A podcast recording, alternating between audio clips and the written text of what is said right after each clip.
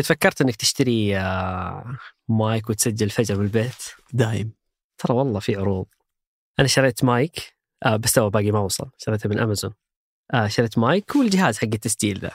بس صدق مو بعشان الفجر. عشان وش إذا مو بالفجر؟ يعني أكيد الفجر واحدة من الأولويات لكن اي بس وش عندك؟ آه عندي فضول.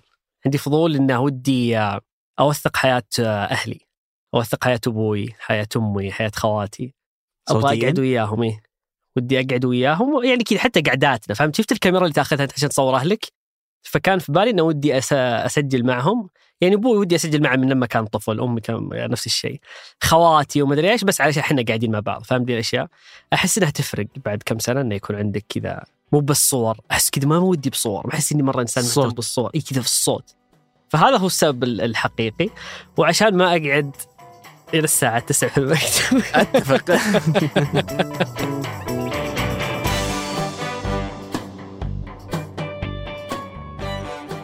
هذا بودكاست الفجر من ثمان بودكاست فجر كل يوم نصدر لكم في سياق الأخبار اللي تهمكم.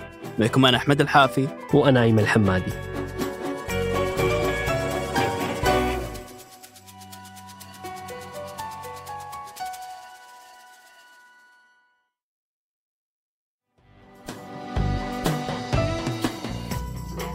لأن هناك استحقاقات وطنية.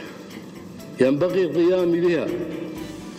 من قبل السلطتين التشريعية والتنفيذية لصالح الوطن والمواطنين هذه الكلمات اللي قالها الأمير الشيخ مشعل أحمد الجابر الصباح قدام مجلس الأمة أمس.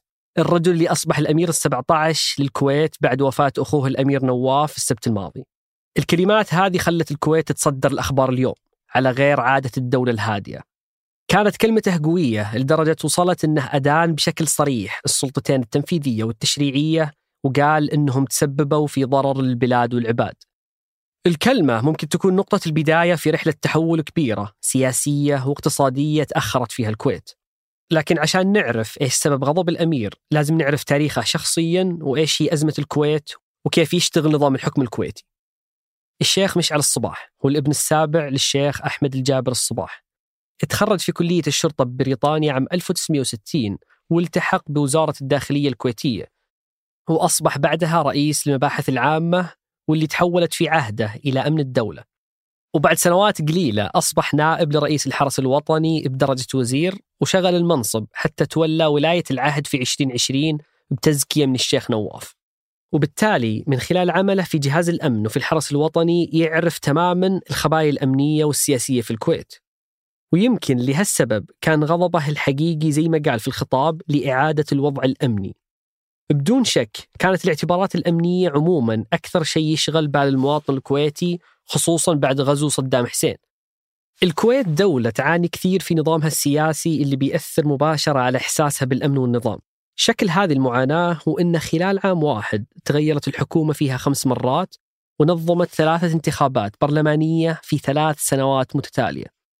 عشان نفهم أكثر السياسة الكويتية السلطات في الكويت تنقسم إلى ثلاث سلطات تشريعية وتنفيذية وقضائية يرأسها الأمير.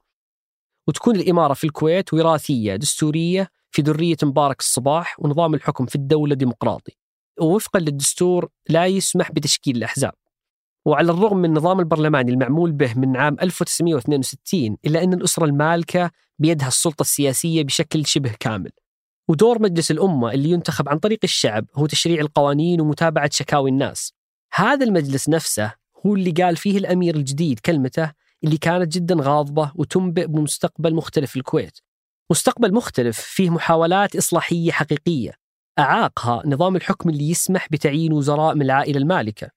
اللي سرعان ما يقع في مواجهات واستجوابات غاضبة مع مجلس الأمة.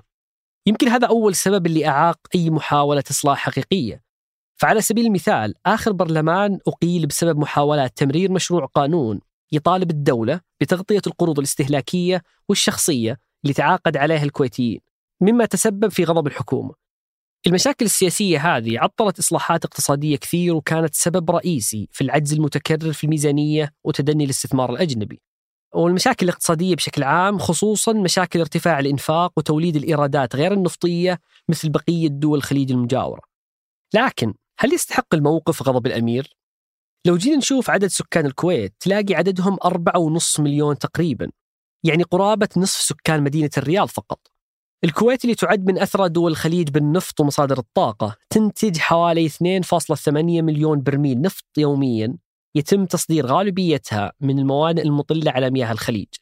وتشكل عائدات النفط نحو 90% من دخل الكويت. وتوعد أن يوصل الإنتاج إلى ثلاثة ملايين. ومع ذلك عندها أزمة حقيقية في البنية التحتية والاستثمار تعطل تقدمها على المستوى السياسي والاقتصادي والتعليمي. فممكن من المنطقي تماما لدولة بهذا الدخل الكبير والعدد الصغير أن أميرها يغضب بسبب توقف التنمية فيها. لكن السؤال يبقى كيف تخرج الكويت من هذه الأزمة؟ وهل ممكن يكون الحل في اختيار ولي العهد القادم؟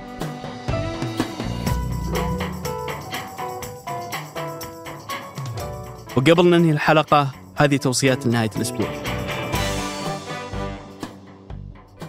ماذا نعرف عن الدماغ؟ دكتورة نورة المسلم في بودكاست وثبة. حلقة تتكلم عن جميع أنواع الصداع ومسبباته وأعراضه وارتباطاته النفسية؟ وعرجت على الدماغ ووظائفه وكيف يصاب الإنسان بالزهايمر. كتاب الصداقة والصديق لأبو حيان التوحيدي. كتاب عن أحوال الأصدقاء ورسائلهم البعض في حال الشكوى والعتاب والمحبة. الغريب أن المؤلف نفسه كان يعاني من الوحدة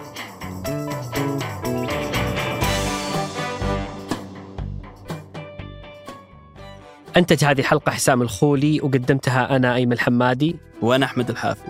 وحررها محمود أبو ندى. نشوفكم فجر الأحد.